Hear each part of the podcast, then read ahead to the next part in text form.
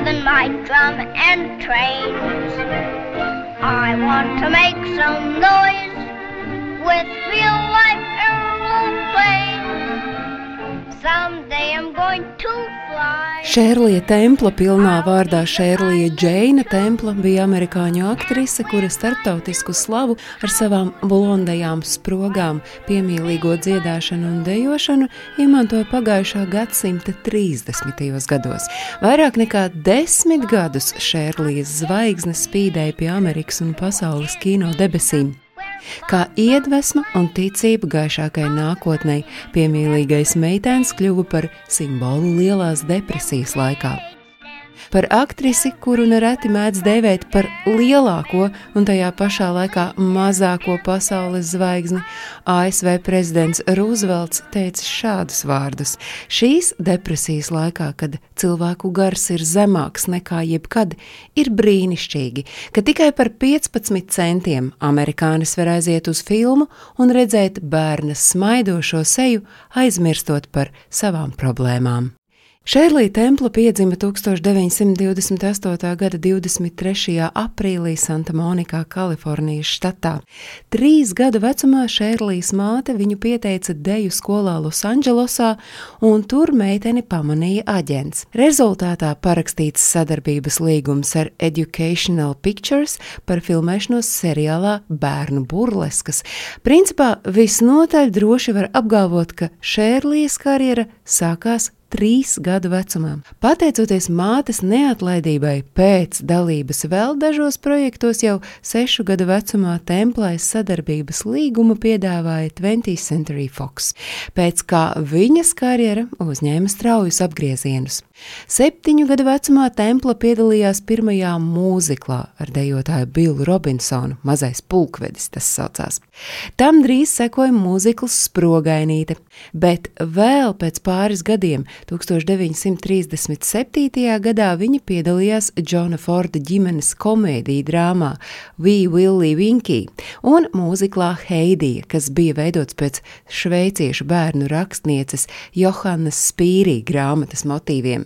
Savukārt, vēl pēc gada, 1938. gadā, viņa atveidoja bāreni Rebeku mūziklā Rebeka no Sanībrukas fermas.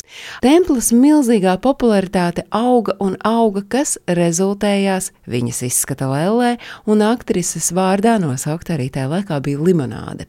Aktrises slavai un karjerai beigas pienāca gaužām vienkārši iemesla dēļ. Viņa vienkārši pieauga, un izrādījās, ka skatītāji grib redzēt tikai to mazo sprogaino jaukumiņu, un viņiem absolūti nav vajadzīga jaunkundze Šērlija templa.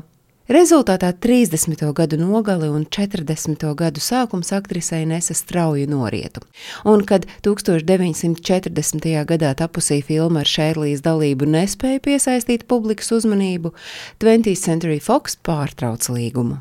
17 gadu vecumā viņa izgāja par sievu pie aktiera Džona Agara, un tiesa, laulība nebija pārāk veiksmīga savienība, jo izrādījās, ka aktrises vīram liela aizraušanās ir alkohols un laulību šķīra 1949. gadā, un šis arī gads zīmīgs ar to, ka tajā templu bija redzama savā pēdējā spēlfilmā.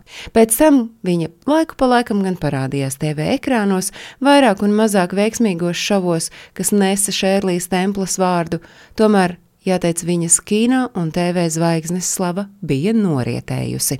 Bet pilnīgi iespējams, kāds teiks, ka patiesībā dzīve Šērlijai pēc kino pamešanas tikai tad sākās. Jau gadu pēc šķiršanās no pirmā vīra viņa apprecējās ar turīgu biznesmeni Čārlzu Bleku, kurš izrādās nekad nebija redzējis nevienu no Šērlijas filmām.